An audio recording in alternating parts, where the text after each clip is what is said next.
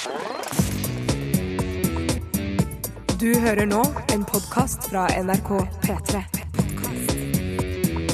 NRK.no. Hjertelig velkommen til P3 Morgens podkast for Den 31. januar 2013. 3101 2013. I dag har vi hatt besøk av Fredrik Gressvik, som er utenrikskorrespondent i TV 2 Fjernsynet, og som har sitt eget program nå der han driver og samler folk som er eh, fiender rundt matbordet for å ete sammen rundt omkring i konfliktfylte områder i verden. Veldig spennende å ha på besøk. Interessant, ja. En annerledes gjest. Eller vi har ikke så ofte den typen gjester. Den, noe av praten ble jo eh, veldig seriøs. Det var litt fint. Håper du liker det eh, og setter pris, setter pris på det. Det skal du få høre i podkasten, i tillegg til andre ting fra sendinga. Og etterpå ja, do you know the drill, og så videre. Blir det et podkast-bonusspor. Oh yeah. Oh yeah. Vi snurrer, vi. Vær så god.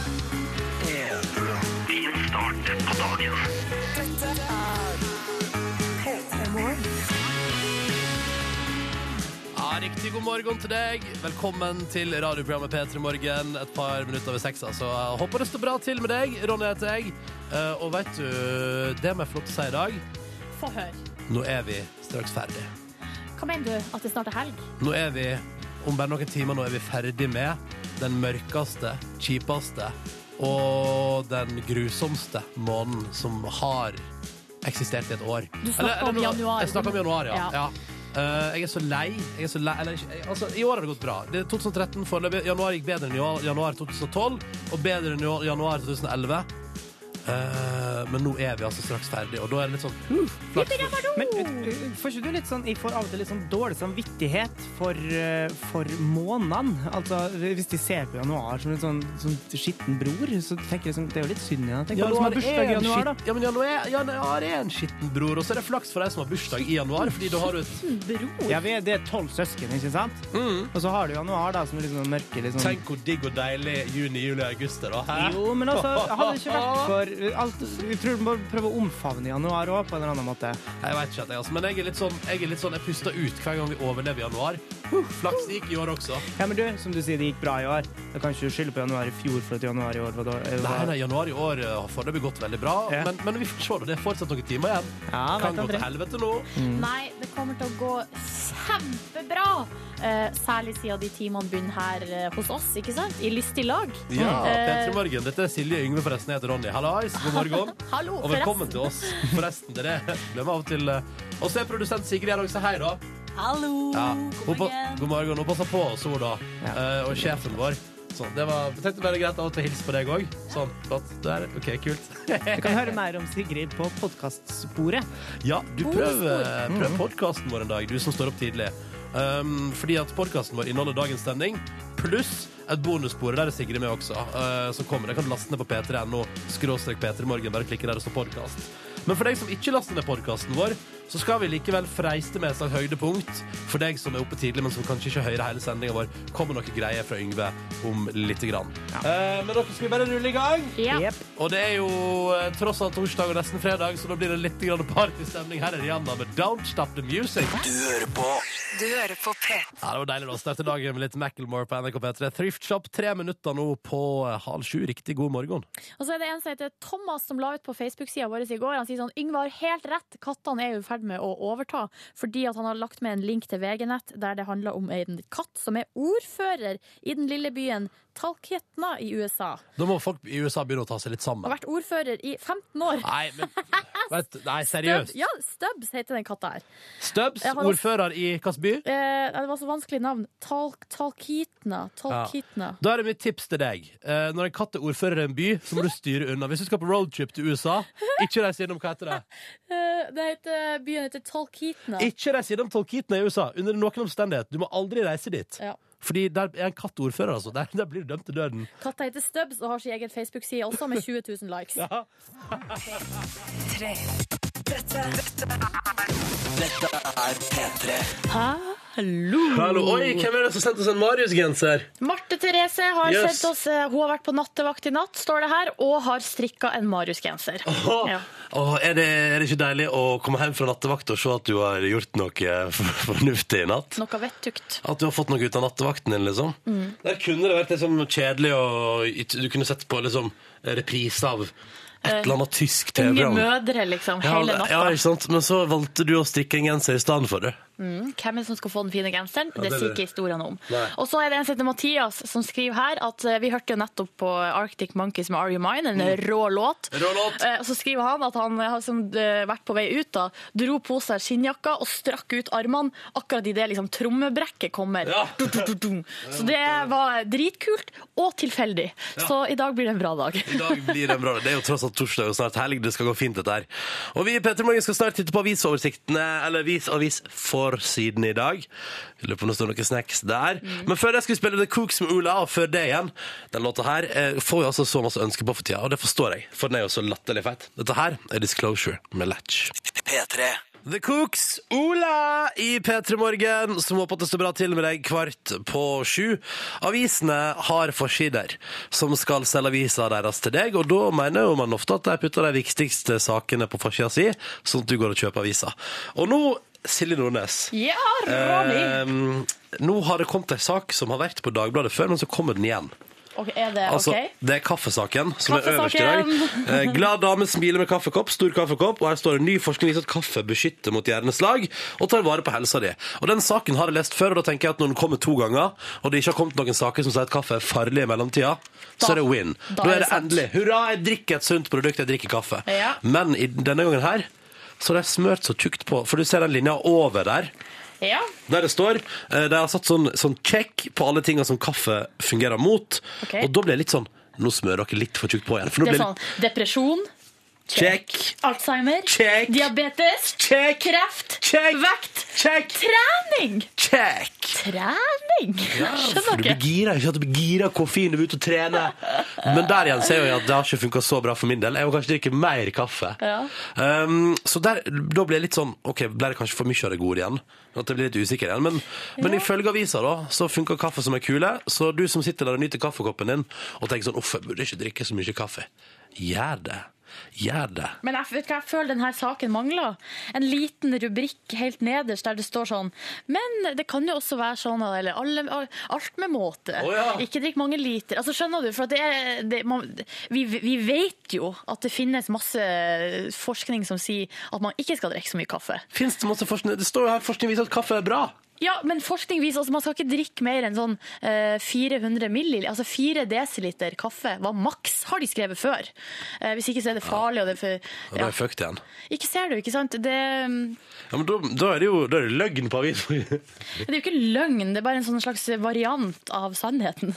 En variant av sannheten på avisa i dag. Den er unyansert, da. Tror du den forsida til VG òg er en variant av sannheten? Den om at nå vil kvinner være sterke og muskuløse. Og så har de laga en sånn flott sånn Du vet sånn som Se og Hør, en sånn stjerne, der det står ting inni, og der står det 'Nytt kroppsideal'. Framtida er her. Nå vil kvinner være sterke og muskuløse. Ja, jeg vet ikke, men de har i hvert fall snakka med en del folk inni saken her som kan underbygge påstanden. Blant annet eh, ei som jobber på en sånn treningskjede, ei sånn, eh, som sjef der.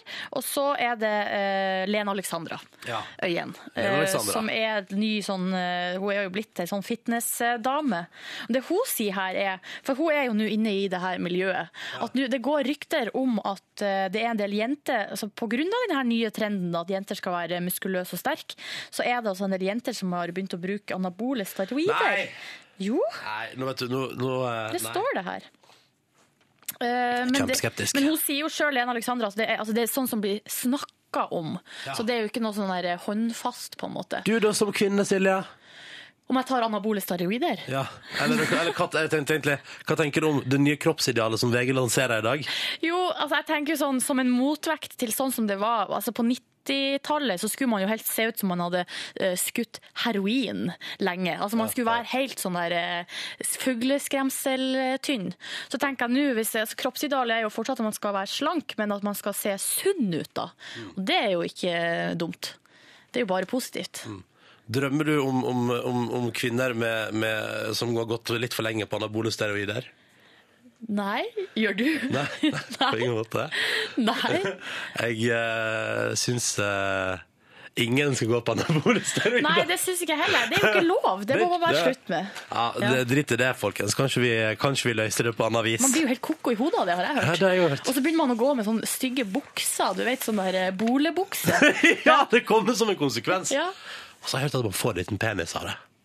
det òg. Men det ser ikke ut folk ut til å bry seg om. Nei. Fordi kroppen foran. Kroppen man foran. Kroppen foran. Ta meg en sak til da fra Aftenposten i dag. Ja, det er jo at eh, jobbene nettet tar knekken på, og det handler altså rett og slett om at eh, du har en del butikker. Altså du har postkontor, bankfilialer og musik, altså musikk, ut, video, eh, Ja. Alle de her eh, går altså dukken pga. at vi bare handler på nett. Du har jo lenger enn alle andre kjenner vært en fast tilhenger av å gå på videobutikken og leie video. Ja. Når gjorde du det sist? Eh, det er ikke så veldig lenge siden, kanskje noen måneder. Men det er noen måneder nå blitt. Ja, Det er jo for at jeg flytta så langt bort fra min faste utleiebutikk. Ja. Ja. ja. Jeg liker å gå og, og se på ting, og at de er håndfast, på en måte. Ja. Samtidig så har vi jo fått en del nye tjenester i Norge, Netflix og sånne type ting. HBO og sånn. Ja, Som gjør at uh, det er jo veldig behagelig å bare sitte hjemme. Ja. Og trykke på, trykke på dataen eller TV-en, og så vips. Ja. Movie. Men tenk den lille treningsturen man, man får av å gå hjemme fra deg sjøl til videobutikken og tilbake. Men den kan du få hvis du går på nærbutikken din og kjøper snacks til filmen du Ja. har, mens den laster ned. ikke sant? Ja. Ja, det finnes alltid ei løsning, veit du. Um, det var avisforsiden i dag, det. Uh, det står andre ting i dag også, men det var det vi valgte å fokusere på. Ni minutter på sju, her er Razika på NRK P3 og låta deres om Oslo som de ikke liker så godt. Eh, Vi pratet i stad fordi vi hadde fått melding fra ei som hadde vært på nattevakt i natt, og som hadde brukt tida på nattevakt til å strikke en ullgenser, en Marius-genser, og så har eh, da godeste vaktmesteren skrevet tekstmelding her. Hvorfor strikker ikke Silje genser når hun sitter og kuler den i studio? Tror hun er et godt kjerringemne. Og da lurer jeg på kommentarer Da har du helt rett, vaktmesteren. Ha, og er du det? Jeg er et godt kjerringemne. Men jeg kan ikke strekke. Det er jo et eh, minus i Ja, boka. Altså, det, du kan ikke det? Jo, jeg kan strekke, men jeg har ikke tålmodighet til å gjøre det. Og så eh, Det blir for fiklete for meg, liksom. Ja, ok. Så det andre på strikking Hvis du er eh, kjerringemne minus uh, muligheten til å strikke, hva andre ting er det du kan som er kjerringemnete? Uh, nei, jeg kan bake og lage mat. Kan du bake? og- Jeg syns du har pratet om at du er så dårlig til å bake. Nei! Jeg har jo bare snakka om for et enormt håndlag jeg har med gjæra. Oh, ja. Jeg har ikke snakka om annet. Jo, Var det eh, sist du bakte kake, så ble det krise i heimen og sånn? Ja, men det, jeg er veldig flink til å bake brød og rundstykker og gjærbakst. Ja. Eh, hva akkurat kake, søtt, det er jeg ikke så god på. Ok, jeg skjønner. jeg skjønner. Andre ting? Andre ting, jeg er flink til å vaske og holde ryddig i heimen. Ja, ja. Og eh, så er jeg flink til å lage det koselig rundt familien. Rundt familien, ja. ja. Dekk på bordet, tenn lys, sånne ting som jeg syns er viktig. da. Flott, flott. Så det å lage sine egne klær har ikke blitt helt igjen i Skavlan ennå, men eh, man vet jo aldri. Vet aldri. Vet Det er jo et langt liv foran oss. Så da fikk du svar på det, vaktmesteren. Ja, aktuelt å prøve å strikke en genser. eh. Vet du hva, Jeg har jo strekka et skjerf på et tidspunkt. Ja, ja. Eh, Problemet mitt er at jeg kan ikke begynne, så noen må legge opp. ikke sant? Oh, ja. Så kan jeg strekke helt til jeg er ferdig, og så kan jeg heller ikke avslutte. Altså, du kan gjøre det in at, between. eh, ja, sånn at det skjerfet som jeg har strekka, ligger i en pose på en måte, der pinnene fortsatt sitter fast Ja. i skjerfet. Og så må noen komme og avslutte det for deg. Ja. Ja. Og det her var vel i tiende klasse, tror jeg, på, i kunst og håndverk at jeg strikka det Å, skjerfet. det ligger fortsatt i en pose? Ja. Jeg, jeg har faktisk eh, eh, produsert klede sjøl. For da vi hadde oppsetning av West Side Story på barneskolen så fikk- Spiller du Maria? Nei, jeg spilte fortellerstemme og gjengmedlem. Um, og da var det sånn at den ene gjengen hadde gule vester, og den andre hadde lilla. Jeg var selvfølgelig gjengen som hadde lilla vester. Og da måtte man sy vesten sin sjøl med symaskin, Ja. og det fikk jeg veldig dårlig til. Så jeg så, jeg så jo ut som et vrak oppe på scenen Men kom mora di og hjelpa deg? Nei, nei, det gjorde hun ikke. Men det var, det var jo litt meninga du skulle se ut som et vrak, hvis du var gjengmedlem og sånn. Hva mener du med det?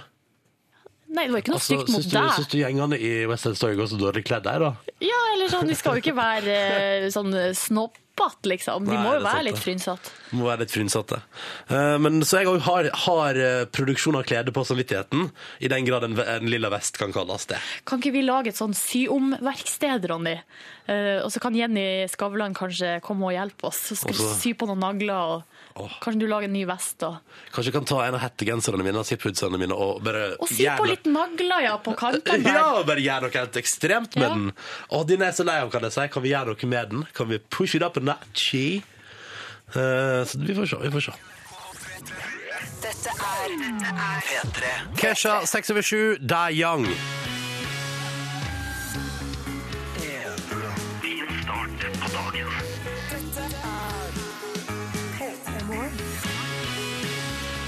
Ja, riktig god torsdag til deg. Håper det står bra til ute i det ganske land, på ditt kjøkken. Hallo til alle som er på kjøkkenet, eh, og til alle som er cooking up a nice pot of coffee. Um, på Dagbladet står det at kaffe er sunt. Bare kjør på. Det hjelper på. mot alt i hele verden. Til og med Nesten. kreft og vekt. Ja, Ja. det hjelper mot det meste. Så det er bare å Mm. hive i seg helse i hver dråpe, som det står her. Ja, ja, ja. Eh, og hei til alle som er på vei ute i trafikken. Vi har fått en tekstmelding om en som er på en buss. Nei, Ja. Eller var på en buss. Det er en som sier Vetle han skriver at han gikk eh, på bussen som eneste passasjer og kjørte 11 stopp. Nei, åtte stopp før det kom noen andre. Så da følte han seg nesten som han hadde privatsjåfør. Og tenk for en limo en buss er, da, på en Ja, måte. Det, det det er svære greier. Svære greier. Hei til alle som er på både tomme og stappfulle busser rundt omkring. Og til deg som allerede kom deg på jobb, eller til deg som skal sette deg ned og bruke dagen på å studere. Og til alle som er på vei til skolen, hallois! Og god morgen, alle sammen. Vi prøver å gjøre morgenen deres litt hyggeligere. Og straks skal vi, eller i løpet om en halvtimes tid, skal vi gjøre den mer interessant også, um, tror vi. Vi får besøk av Fredrik Gressvik. Og Silje, hvem er Fredrik Gressvik? Fredrik Gressvik han er eh, journalist og utenrikskorrespondent og krigsreporter i TV 2. Han har liksom eh, vært eh, den som TV 2 har sendt hvis det har vært krig, rett og slett. Da. Mm. Vi kan jo, og da blir det for eksempel sånne klipp på TV. Eh, det er flere, flere voldsomme eksplosjoner i bakgrunnen her nå. og Det er da antageligvis fra israelske fly som kommer inn over, eh, over byen.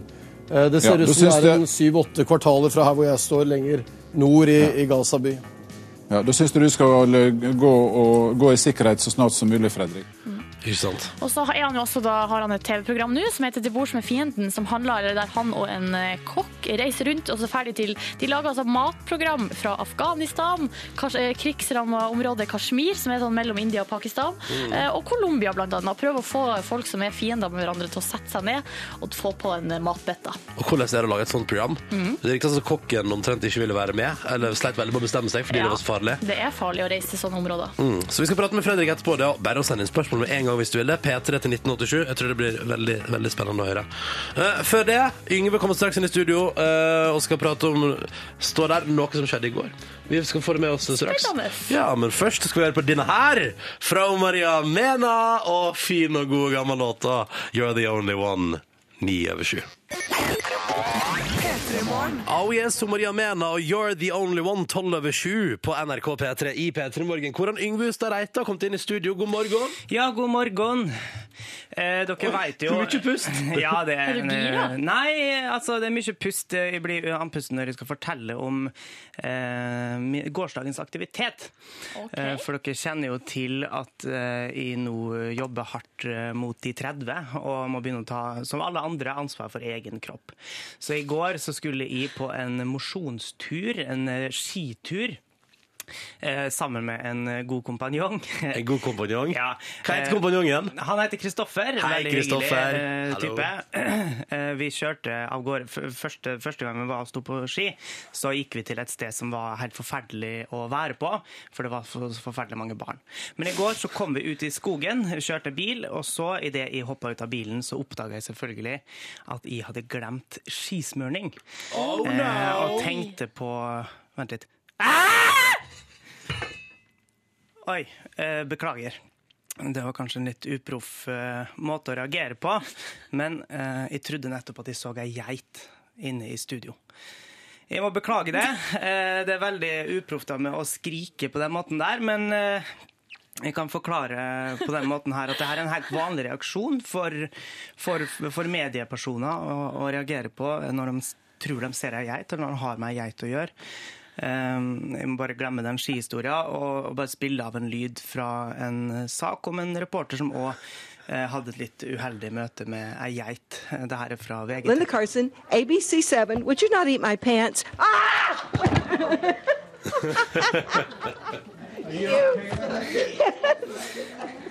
Hun tok det jo her litt mer sporty enn meg. Jeg ble jo faktisk livredd eh, når jeg trodde jeg så en geite, men det var heldigvis ikke ei geit i studio. Nei. Men det her er en helt vanlig reaksjon til folk som lurer eh, på hvordan man reagerer når det kommer til geiter. Eh, så jeg må bare Det er dødshyl, liksom. Ja, det er dødshyl. Eh, Jeg vet ikke om dere har opple- opplevd det sjøl, men sånn er det altså. Vi kan bare spille av det klippet der fra hun Linda Carson igjen. Det få Så må vite at det er helt normalt å reagere på den måten der eh, når, eh, når det gjelder geiter. Eh, Og når det gjelder den skismøringa, så fikk jeg heldigvis låne skismøring av kompisen min. Så vi kom oss på tur. Ja. Vi kom oss på tur. Um, uh, ja. Det var egentlig bare det jeg skulle si. Ok. Ja. Så det er kvart over sju. Herman Ferdinands. Du hører på Det er torsdag, eh, det er tidlig på morgenen, og Silje Nordnes bringer nyheter til bordet. Ja, eh, det, er jo ikke eh, Hva skal jeg si eh, Dogfresht, er det noe som heter det? Når det kommer er det, det er ikke Boxfresh News. Det kom for noen dager siden denne nyheten om en tre år gammel gutt som heter Sherwin, som da er, har blitt med i Mensa. Så stas for han! ja, han er tre år. Um, og Mensa er jo denne foreningen for eksepsjonelt smarte folk. Eh, og han er i USA, nei, bare i England så har jo Mensa to, 22 000 medlemmer. Eh, og så har de 100 medlemmer som er under 10 år. Og han her Sherwin eh, fra South Yorkshire i England England, ja! er en av dem. Eh, og han har tatt en rekke tester eh, og har fått eh, påvist eller bevist en IQ på 136. Wow, som treåring. Som treåring. Det er jo ganske bra. Eh, men så tenker jeg her, så jeg begynte å liksom jeg går litt i sømmene på det her. Så hva er det egentlig han kan? Hva er det han kan? Skal vi se bort, eh, hva er det han kan egentlig? Han kan prate og snakke i fullstendige setninger. Gratulerer. Det kan jeg òg. han kan telle til 200. Vel, check! Det kan jeg òg. Han kan gjenkjenne flagg til land. Ja, samme her. Eh, kan navnene på planetene i solsystemet. Ja, Plu nei, Pluto er ikke med lenger, men eh, Uranus og alle de der. Ja da, det kan jeg òg. Eh, navnene på de menneskelige kroppsdeler, organer og eh, hvilken funksjon de har. Ja, jeg tror jeg kan det. Hjerte, lunge, mage, gallestein osv. Gallestein. Det kommer bare av og til. Nevn en til. En kroppsdel til, takk. Nyre. Og han ser på nyheter framfor barne-TV. Well, check. Eh, og så kan vi jo høre et lite eh, klipp her, da, som skal være så sinnssykt eh, utrolig. Der mora peker på et kart eh, på forskjellige land, og så, og så skal han liksom si hvilket land det er. Pakistan. Pakistan. Good boy. Show me Afghanistan. Good boy. Show me India. Good boy. Altså, jeg vet òg hvor India er. Får ikke lov å være med i Mensa av den grunn! Nei, nei, men du er jo Hvor gammel er du nå, Silje? 28. 28 år gammel. Ja, jeg vet jo det. Han er jo bare tre år. Men jeg syns det er så utrolig at han kan telle til 200. Ja, men spenninga stiger jo idet han blir liksom ti. Er det fortsatt bare det han kan? Telle til 200 og Kan gjenkjenne de land? trekke tilbake? tenk om han tenk om han opp som 13-åring, så er det sånn det eneste han kan, er Pakistan, Det India Trist hvis man piker som menneske når man er tre år. Nei da, han gjør sikkert ikke det. Jeg bare tuller. Ja, det er sikkert han er sikkert kjempesmart. Kommer til å vinne Nobels pris, Ikke fredspris, men Nobels pris i fysikk, ser jeg for meg. smartness. Jeg tror ikke de har en egen kategori som heter smartness. Burde de få Ja. Tre minutter på halv åtte. God morgen. Dette her er First Aid Kit og nydelige Emilu i P3 Morgen. Du hører på Du hører på P3. JC og Kanye West, Niggas in Paris på NRK P3. Åtte minutter over halv åtte. Riktig god morgen! Hyggelig at du hører på. Dette er P3 Morgen. Ronny og Silje sitter her og drikker kaffe og koser seg, fordi kaffe står jo på forsida av Dagbladet i dag. ja, det er sunt, Det er sunt, sunt, sunt, sunt, sunt. Hjelper mot kreft. Og da kjører jeg på.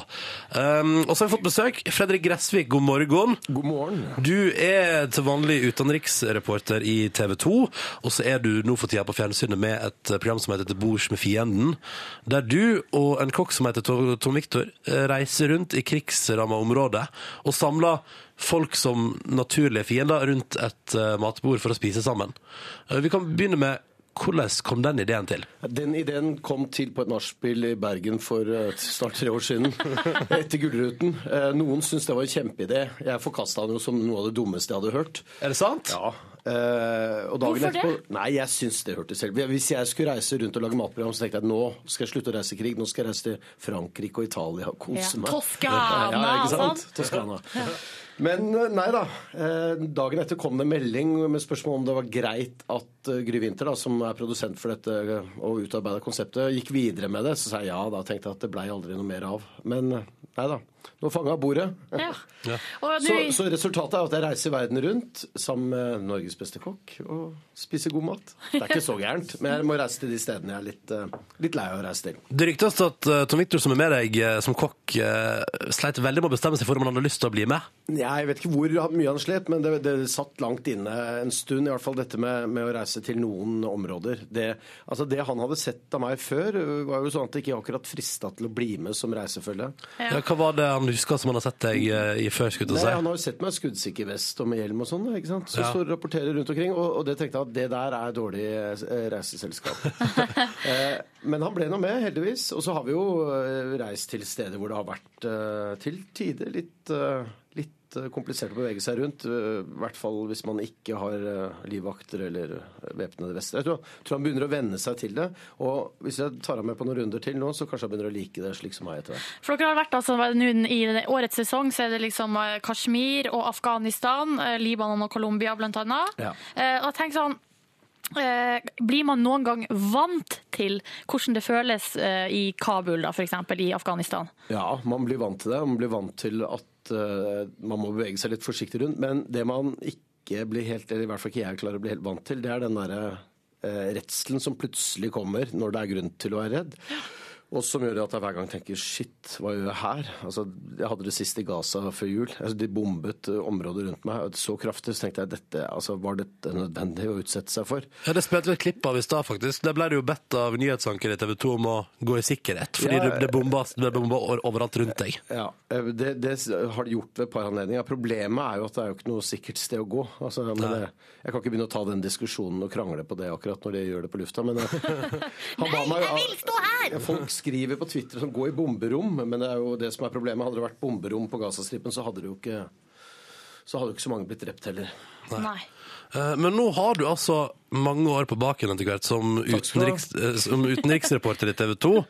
Eh, Krigsreporter gjerne. Du, du oppsøker jo og er til stede på mange av de farligste plassene i verden når det er farligst på de plassene.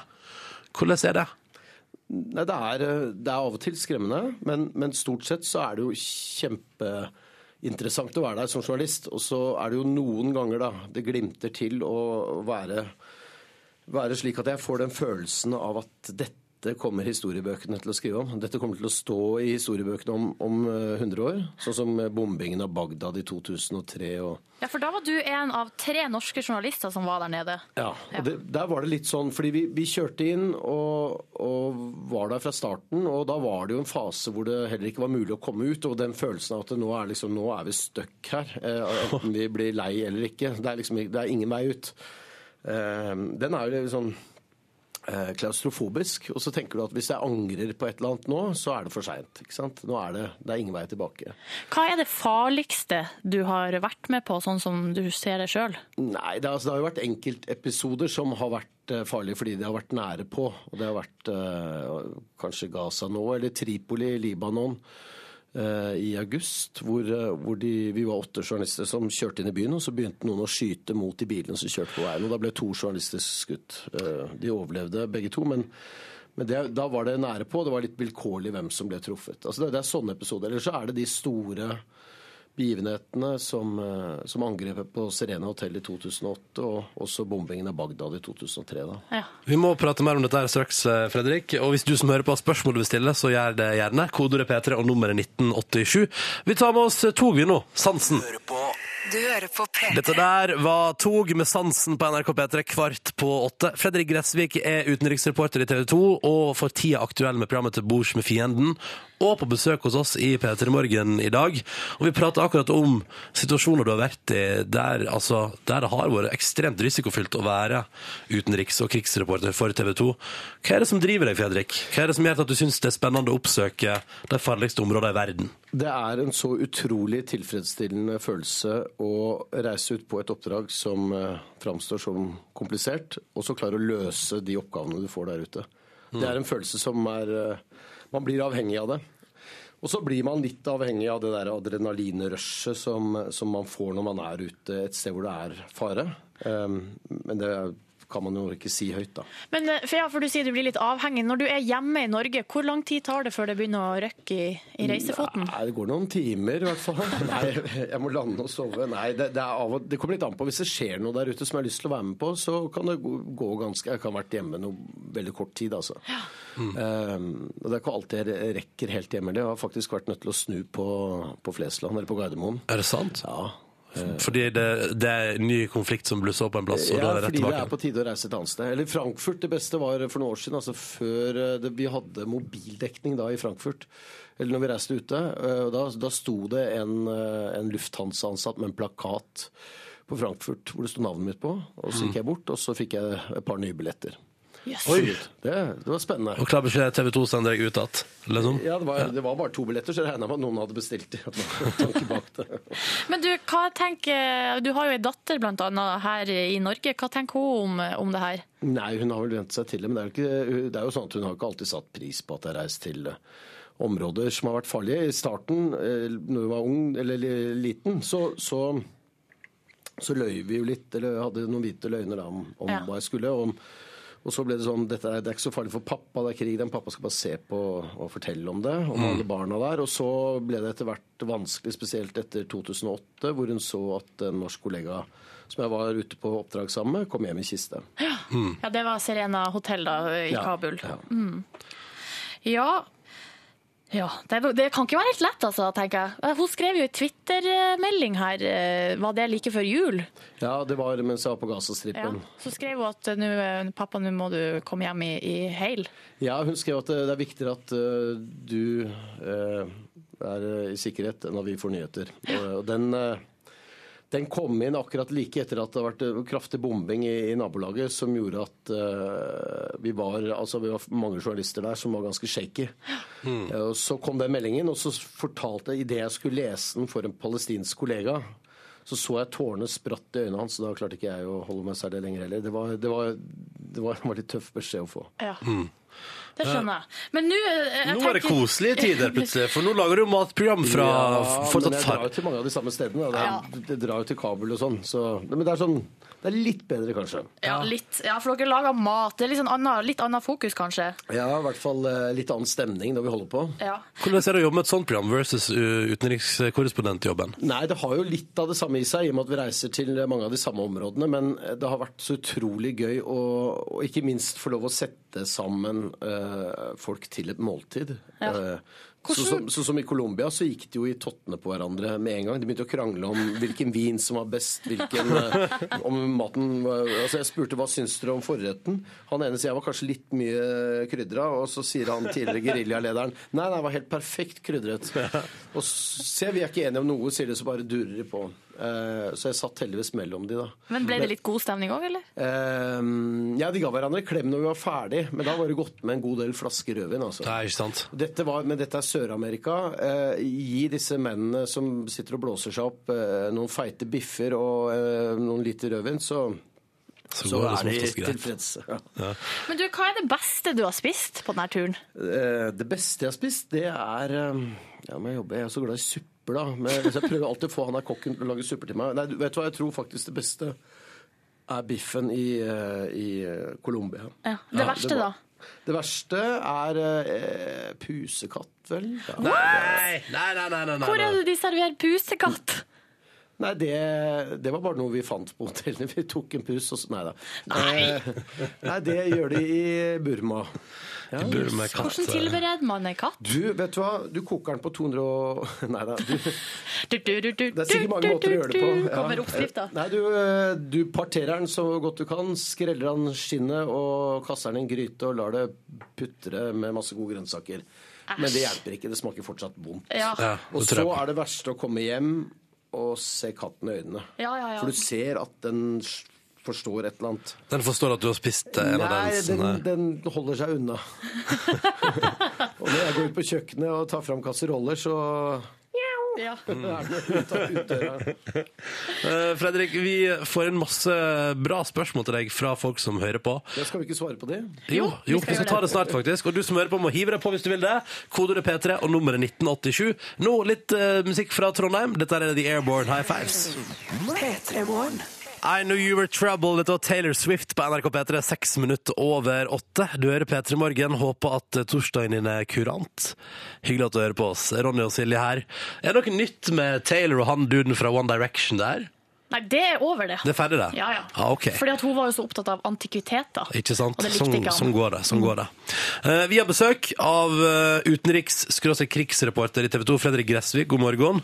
God morgen. Hvilke, altså jeg var så redd for at det forrige spørsmålet var retta til meg. så jeg var litt... Ja, Fredrik, hvordan går det med Taylor Swift og Harry Styles? det går ikke så bra. Hun var jo så opptatt av antikviteter, så det går ikke så bra. Det er riktig svar. det er riktig svar. Um, du er jo her uh, fordi du er på fjernsynet for tida med et uh, program som heter Til bords med fienden. Og der får du altså da uh, folk som er naturlige fiender i veldig belasta områder, det er riktig å si. Konfliktramma. område til å møte hverandre til middag. Hvordan får du folk som hater hverandre til å sette seg ned og spise sammen? Jeg må bare si det først at det, det får vi jo veldig ofte ikke til. Nei. Det er, okay, ja, ja. Det er jo ofte, det, så målet er jo å få det til å sette seg ned. Vi klarer det av og til, men noen ganger så er det helt håpløst. Altså, det er jo sånn at de, de risikerer jo livet hvis de hvis de setter seg ved samme bord. Men vi hadde en episode i Kashmir hvor, hvor den ene gjesten er på vei Vi skulle ha middagen om bord i en husbåt, så han kommer padlende mot oss. Mm. Så ser han at det er en tidligere geriljaleder om bord. Dette er en som jobber for indiske myndigheter. Så snur han båten, og da trodde vi at han ble borte, og at han ikke ville komme tilbake. Men da, ti minutter etterpå så kommer han tilbake, men da har han med seg to menn med kalasjnikov. Å, ja. Eh, Som sto og liksom krydra maten litt. Rann, eh, sånn. de, sto, de sto som et krydder ved siden av. Men sånn som i Colombia så får dere en en FARC, eh, sånn geriljageneral til å komme. Hva, hva sier man da? Liksom, Hello, yes, we are from Norway. We're making a, a food show. Maybe altså, Man må jo ikke snakke dårlig engelsk selv om man er fra Norge. Det er myte. Det er fort gjort, da. Ja, At det er blir sånn. Nei, eh, vi, jo, vi, nei, vi forteller hva vi driver med. Eh, Men folk har jo Veldig mange har jo et forhold til Norge og fredsmekling og fredsskaping og sånn, så, så de er ikke så veldig overraska. Tvert, tvert imot så er det noen som som uttrykker eh, forbauselse og sinne over at Norge ikke er mer involvert, sånn som i Kashmir bl.a. Mer involvert i fredsprosessen. Lurer på hvorfor vi skal lage fred alle andre steder i, verden, men ikke der. Da har jeg prøvd å, å snakke dette litt ned og fortelle at det kanskje ikke har gått så bra de stedene Norge har vært involvert, men Ja, OK, du, du tar, jeg tar den, ja. ja. Uh, Oslo-avtalen har jo et uh, ufortjent godt rykte, tenker jeg. du tenker det, ja. Eh, Fredrik, vi får inn altså så masse spørsmål til deg fra folk som hører på. Vi tenkte vi skulle ta noen av dem nå. Hvis du som hører på tenker sånn Jeg vil stille spørsmål. P3 til 1987. Du, Vi begynner litt på begynnelsen her, for at her er det en som lurer på uh, altså hvordan utdanning du har, eller hva du gjorde etter videregående. Jeg tolker det sånn, eh, altså hvordan, hva har du gjort for å havne der du er? Så Det måte? er jo hyggelig å forstå da, at de regner med at jeg i hvert fall har videregående. Men jeg, jeg, har, jeg har det.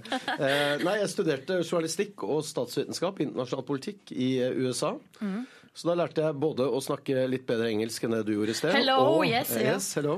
Eh, og så lærte jeg litt om verden og ble ganske sulten på å, å reise rundt eh, og, og lage nyheter. Men du har også vært i militæret. Ja, jeg, det? det, har, det har jo nesten alle, men jeg Ja. gjorde litt mer ut av det. Så jeg dro til uh, Libanon. Da jeg var ferdig med journalistutdanninga, så var jeg der i litt over et år som uh, presse- og informasjonsoffiser. Og da var jeg hekta på Midtøsten for godt, tror jeg. Ja. Og, og kanskje litt hekta på dette med å også bevege seg rundt i konfliktsone. Men den gang hadde jeg våpen, så det føltes i hvert fall litt tryggere enn enn det gjør nå. Ja, OK. ja. Og så er det veldig mange, eller det er flere her som lurer på, siden du er Det er jo sånn litt, det er jo risikosport, på en måte, det å oppsøke de her type områder. Men, men driver du på med, med andre ting? F.eks. fallskjermhopp? eh? Nei, jeg har en kollega som driver med fallskjermhopping ja. og syns det kan være en god avreagering når han kommer hjem. Nei, jeg gjør ikke det. Jeg, jeg lager mat. Det er jo derfor jeg havna i dette uføret med å stå Jeg elsker å komme hjem og stå på kjøkkenet i Bergen med nyinnkjøpt eh, fisk og sjømat og stå og lage mat i timevis. Eh, Det, er- det er min hobby, og sånn avreagerer jeg. Ja, så ekstremsporten, på en måte, den, eh, den holder du på jobb. Ja, den, det holder med det jeg driver med på Ja. jobb. ja. Så er det Dag her. Han har et litt artig spørsmål, fordi det han lurer på er Hvis du kunne reise tilbake i tid for å så rapportere slash dokumentere en hendelse som har skjedd i historien, hvilken eller hvor ville dette ha vært? Slaget ved Waterloo. Slaget ved Waterloo. ja. altså det, det jeg tenker er at det var litt enklere før, for det var en slagmark, og da kunne du stå og rapportere. Jeg ser for meg at det var mulig å rapportere fra en liten høyde i nærheten. Ja, ikke sant? Eh, Det må nærmest være som å, å, å kommentere en uh, idrettsbegivenhet. Det var- Det, var litt sånn i Kairo under revolusjonen.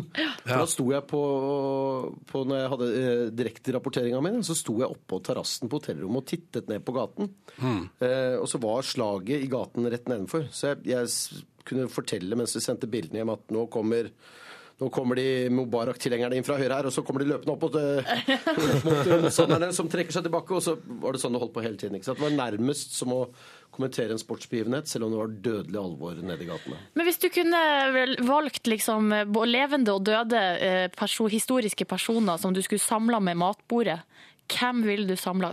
Fiender, nei, det, altså, den personen jeg hadde en drøm om å intervjue og aldri fikk intervjua, det var Saddam Hussein. Ja. Eh, Jeg hadde, når jeg begynte som journalist, så, så, begynte som utenriksjournalist, så var det tre stykker jeg ville eh, intervjue. Det var Gaddafi, Saddam Hussein og Arafat. Arafat intervjuet jeg mange ganger før han døde. Saddam Hussein eh, sammen med b b far og sønn Bush. Det hadde vært ålreit. For et måltid. Hva skulle du servert? Da måtte det blitt noe Det måtte jo vært i Bagdad, da, hvis det skulle vært noe. Det måtte blitt noe fisk fra Tigris, eh, Ja. tenker jeg. Eh, og dadler. Dadler. Et eller annet med dadler. Eh, Med dette- jeg må ha kokken, jeg må ha Nei. kokken til. Hva? Nei, de har ikke bacon, for de er muslimer. Jeg trekker det tilbake. Ja, ikke noe tilbake. bacon. Det er veldig godt med dadler med bacon Men rundt. du, jeg, jeg, jeg vet det. Eh, Men det, det er litt sånn tapasmåltid. Men Ja. jeg har reist mye rundt i Midtøsten og vet hvor du får tak i bacon. Og det gjelder også Bagdad. Altså, det er alltid, alltid mulighet overalt. Men det er dyre varer. Nei, det kan være dyre varer noen sted, steder, men, eh, men ikke så dyrt som whisky i Kuwait. Men allikevel så er det Det er mulig å få tak i det. Alltid mulig å få tak i det. Det er alltid mulig å få tak i det. Det er alltid en gris et eller annet sted. Ikke sant? Fredrik, vi, skal ta, vi tenker vi må ta et par spørsmål til fra lytterne, og så skal du få delta i vår spørsmålsrulett også. Men først, eh, ny musikk på NRK P3 fra Biffy Clyro. Dette her er Biblical.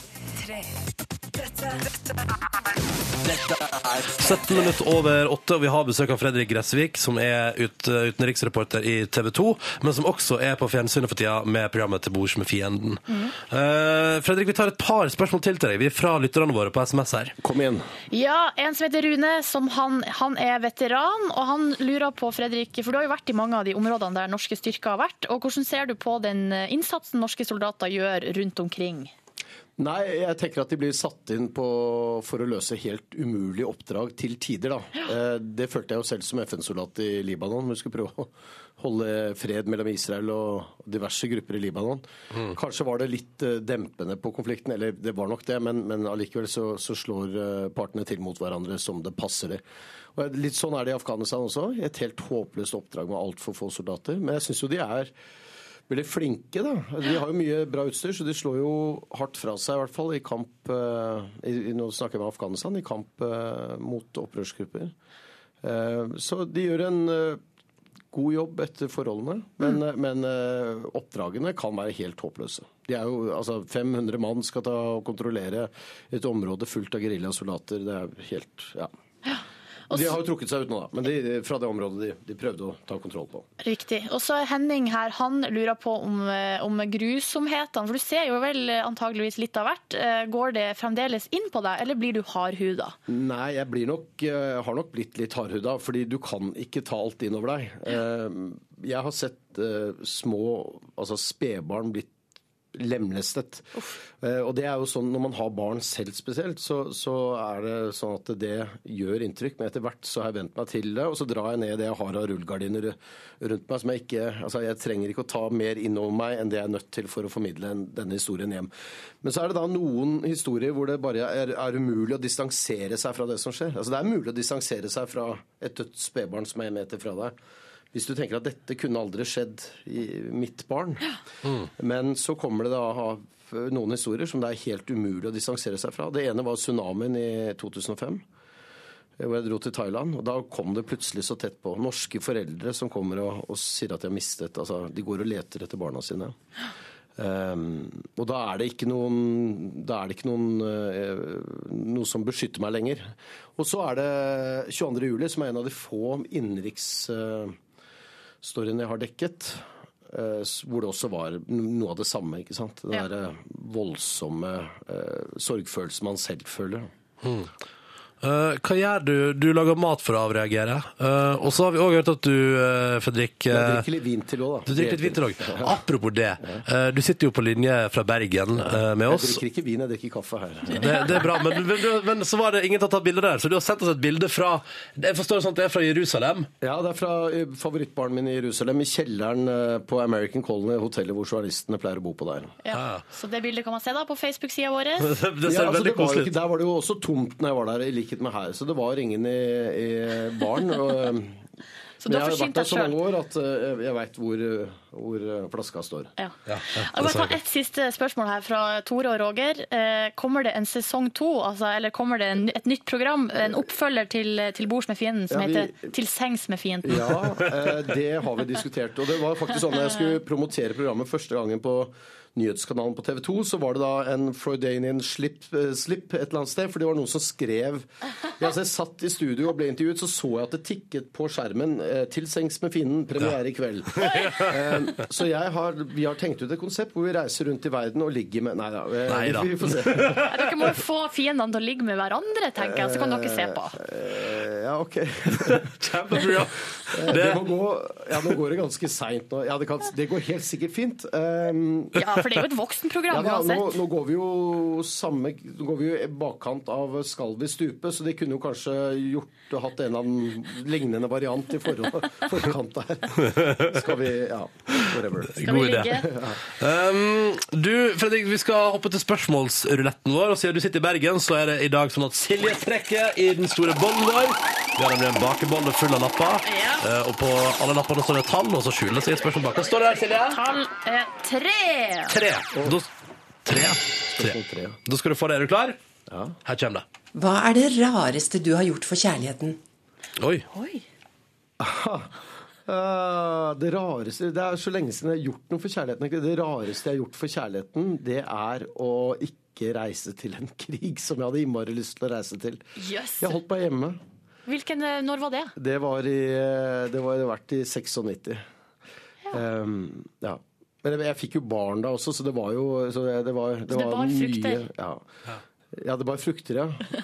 Bokstavelig talt. Nei, det, det er det. Men jeg har jo ikke, altså, jeg har ikke tid til å ha noe kjærlighetsliv, så, så jeg er egentlig litt sånn dårlig Det var egentlig et dårlig Åh, spørsmål til meg. Fredrik, du må ta deg tid til det. Uh, ja, men det er litt seint nå. Det, når jeg stoppet opp nå og ser meg tilbake, så tenker jeg at det skulle jeg tatt meg tid til. Ja. Det skulle du tatt deg tid til. Ja. Eh, og med de uh, vise ordene der på tampen, så sier vi Fredrik, eh, tusen takk for at du kom til uh, P3 Morgen i dag og prata om både det å være utenriksreporter og eh, programmet ditt Bords med fienden. Og så håper vi da at det kommer et Til sengs med fienden etter hvert. Til sengs med fienden, ja. Jeg gleder meg. Det er morsomt med innspilling. Takk for besøket. Dead Mouse og The Welt på NRK P3 i P3 Morgen, sju minutter over halv ni. Riktig god morgen til deg. Stas at du lytter. Uh, vi er nå dette morgenprogrammet som holder på i en eh, 23 minutter til, da. Her på NRK P3. Uh, Ungdomsalibiet til NRK. Det er torsdag. Det er den siste dagen i januar. Endelig er vi ferdig med den driten som kalles januar. Og det syns jeg er stas. Um, hvordan går det med deg, Silje Nordnes? Bare bra. Drukke, Jeg er sånn høy på kaffe. Det er en deilig følelse. Ja. Ja. En eh, foretrukken rus. Foretrukken rus. Ja. Foretrukken rus. Jeg som heter Ronny har det også fint og er relativt høy på kaffe. Og jeg burde drikke litt mer vann. Prøv å bli bedre på det. Får det ikke helt til. Um, og så er Yngve Hustad Reite kommet inn i studio, Ja, fordi nå skal du arrangere quiz. ja det, er, det er jo slik at uh, noe av det morsomste det norske folk vet, er å høre på folk som svarer på quizoppgaver, der man gjerne kan delta litt uh, hjemme òg. Kan man si, Yngve, at du er eh, P3 Morgens Dan Børge Akerø? Ja, eller en slags krysning av Dan B og Ivar eh, Dyrhaug? Dyrhaug. For Jeg bit liker for å kunne pakke det inn litt og kunne gå, la spørsmålene gå videre. Jeg skjønner. Ja, ikke sant? Mm. Og si sånn Ja, nå, der er vi inne på noe, og mens du Altså, altså kunne uh, lenke sammen spørsmålene, sånn som Ivar Dyrhaug gjør. Eh, Det er vinter. Eh, Nettopp derfor har vi tenkt å arrangere en vinterquiz som kan ha vinterrelatert vinterrelatert eh. Alle som sitter hjemme, kan selvfølgelig eh, være med og, og konkurrere over frokostbordet, sånn som man eh, kan gjøre i lystig lag. Eh, Jeg kan godt presentere lydene, først og fremst, bare sånn at vi veit hva Ja. som skal skje litt seinere. Ronny, du har fått quizlyd nummer tolv der, som Ja. du ser. Vinter og snø Ja, Dere kan allerede prøve å gjette hvem dette her var. Det er jo Wenche Myhre. Ikke, ikke gang ikke gang Myhre. Ja, det er litt oppvarming, bare. Og uh, Silje, du har fått den her. Åh, Vet det er det var? eller sånn eh, spinning med bil. Helt riktig. Det er litt oppvarming, dette her, bare. Er det. Volvo 240? Det, det veit ikke. Høres sånn ut. Kanskje. Eh, Men grunnen til at vi snakker litt først her, er jo eh, som kjent i P3 Morgen så har vi en straff som skal liksom være konsekvensen for å tape denne quizen. Ja. Det er jo slik at hvis dere bare skal vinne en ting, så engasjerer dere dere ikke. Eh, Det straffa skal være noe som svir litt, noe man gruer seg til. Og derfor, kjære lytter, inviterer vi til åpen idédrodling. Alle som har lyst, kan sende inn forslag til hva som skal være konsekvensen av å tape Jason. Vinterquizen. Kan du nevne noen av de såkalte straffene som har vært tidligere i P3 Morgens historie? Ja, tidligere har vært mye offentlig utritning. Altså, livet måtte synge for uh, stor, åpen eh, sal uh, o helga natt før jul en gang. Silje, du har vært i sjøen. Jeg har bada, ja. eh, og- Før første Nei. Før 1. mai. Før eh, 17. 17. mai. Mm. Det var det, ja. Litt sånn russeknuteorientert ja, straff. Og Ronny, du har posert naken på internett. Jeg har posert eh, naken på internett, riktignok med en flamingo framfor. Men det har vel livet også gjort. Posert naken på internett med en baby i armene. Ja, det var den første straffa vi hadde. Klisjébildet Klisjébilde toppløs med, med baby på Jeg har også blitt tvunget til å gå i dameklær og vise fram sommermote i Egypt. Ja, det har du. Og blitt gjort til latter av et helt charterhotell med østfoldinger. Bidra til disse her sprø påfunnene. Vi har allerede en liten liste, men eh, vi trenger absolutt innspill til det. Send inn til P3, eh, kodeord P3 til eh, nummer 1987. Skal straffa være vinterrelatert? Det bør være vinterrelatert, ja. Ja, og ikke isbading, kan vi bare si det? Eller, for det har vi på en måte gjort. Det får være opp til lytterne å avgjøre. ok. Altså, jeg skal ikke legge noen føringer her utover at det skal være en ting man kan grue seg til, som har med vinteren å gjøre. For tanken er at nå tar, nå tar jeg imot forslag, og så blir det poll på internett, avstemning, Ja.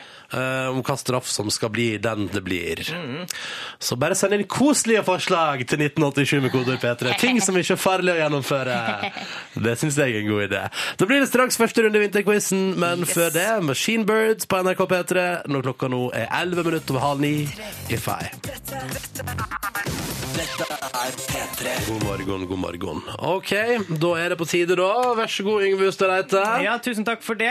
Eh, skal vi bare sette i gang med quizen? Jeg har bedt om å, å få inn straffeforslag. Eh, Linja er fortsatt åpen. Vi kommer ikke til å avgjøre dette her enda. Jeg kan bare si at folk har en del eh, rare fantasier der ute. Suging på store tå er helt uaktuelt. Ja, Og det er mye nakenhet. Rens av dusjsluk og suging på andre ting og spanking, det er litt sånne ting som ikke Det hører ikke med til vinterquizen. Man må tenke noe som har med vinter å gjøre. Det er et par her som er ute på sånn gå Birken eller kjøre ned en slalåmbakke. Jeg skal ikke, forresten, det har jeg ikke lyst til å gjøre, for da kommer jeg til å knekke et bein. Der er vi inne på det. Men ligge i Også- telt utafor NRK i minusgrader, det er ikke så dumt. For eksempel. For eksempel. Jeg tør ikke det. Da skal jeg pinne meg Securitas-vakt. Ja, men det er bare å vinne quizen, det.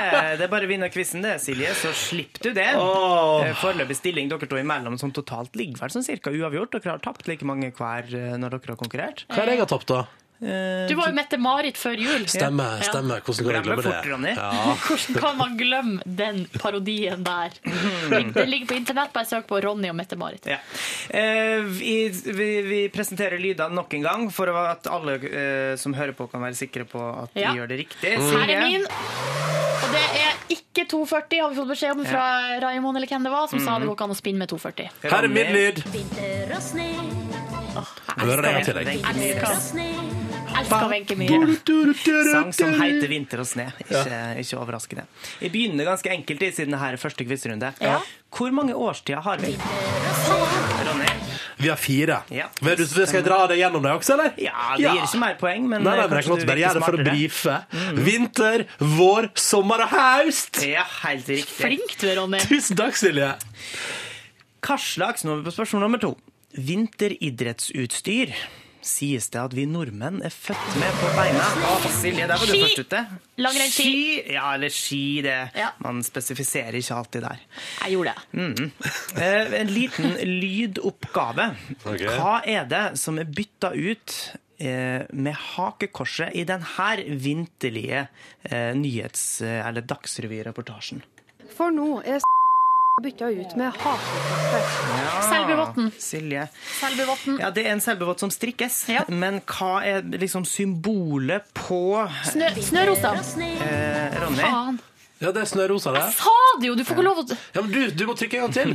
Eh, når du trykker og så svarer feil, så må Ronny få lov til å svare. Og du sier vinterrosa.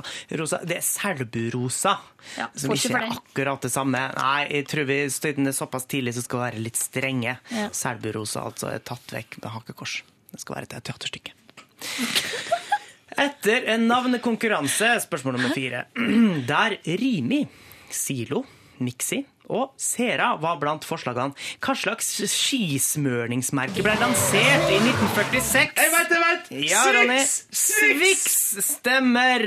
Det ble, om, altså det ble eh, satt Swix trolig, ifølge Swix sine nettsider, for å gi assosiasjoner til Sweden og wax.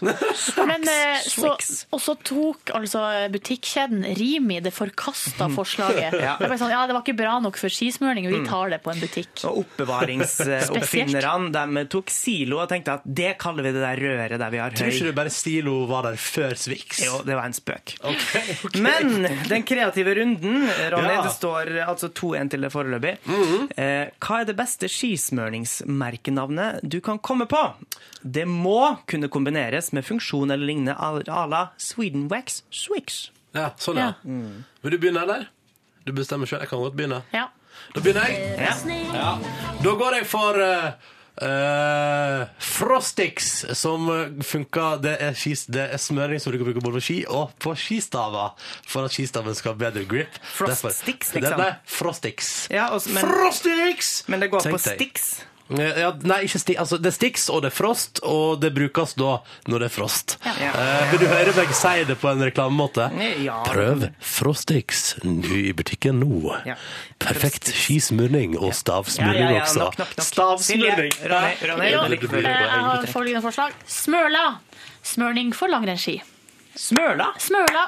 Det er veldig Det er norsk. Det er den får du, trygt, tradisjonelt og Den får du enkelt. Smøla. Ja. Ja, det er veldig norskt. Det er mye bedre. Ja, det er veldig i tiden. Mye bedre enn Frostix. Ja, Silje, den får du. Altså, det står 2-2. Sammenlagt eh, første quizrunde uavgjort 1-1. 1-1. Ikke vær så hoven. Det er første runde, og det er uavgjort. Du hadde vært det, du Det er uavgjort. Ja, men må få lov til å bli glad når hun finner på smøla. Smøla? Nei, det er ikke det. Du traff rett i det rotnorske hjertet til Tror du staden Smøla kommer til å saksøke Nordnes som produserer dette her? For nei. det tror jeg! Å nei, de kommer til å trykke henne til sitt bryst. Ja, ja, ja. Uavgjort. Det kan jeg leve med. Det går bra, det. Jeg liker at det kom til en forslag om at straff i uh, quizen kan være å ta på seg skiutstyr og bare kjøre opp og ned en stolheis hele dagen.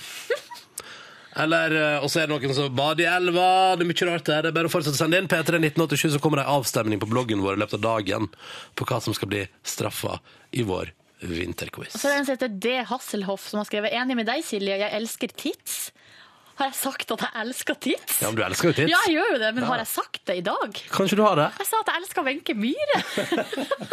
Spesielt. Ja, ja, men altså Du elsker jo tits. Ah, Ja, det gjør jeg. Men nå skal jeg snakke om noe annet. Eh, Det handler om dyr. Fordi jeg har kommet over en artig sak i eh, Sogn og Fjordane, nrk.no slash Sogn og Fjordane. Eh, Det har vært en sauehvisker på besøk i Sogn og Fjordane.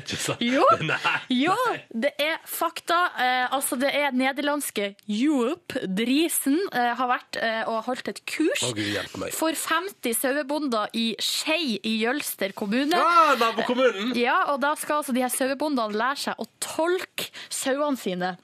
Og hvilke signal sauene gir. Og så kan vi høre her eh, Johannes Gunvor Dahl. Han har blitt intervjua av NRK. og Her kan vi høre han snakke om hva han har lært. Som Jobb sier, du ser det på ansiktsuttrykket. Fargen i ansiktet. Er vi grå i, ansikt, i ansiktet en dag, så har vi det kanskje ikke så bra. Sånn er det med sauen òg. Ja, hvis sauen er grå i ansiktet, så har den kanskje ikke så bra. Eh, Så da er det en rekke tegn her sant, som man har, kan se på og se hvordan sauen har det. Eh, Men det jeg tenker da er, eh, når vi nå har en sauehvisker her i Norge tenk, Business, eh, næringsutvikling. Fordi vi har jo en hundehvisker. Han har jo blitt en enormt stor kjendis, tjener masse penger. Så jeg tenker her, her må TV Norge hive seg på, lage et nytt program, Sheep Whisperer. Sheep Whisperer. Ja. La det gå noen sesonger, la det bygge seg opp. Så show i Oslo Spektrum.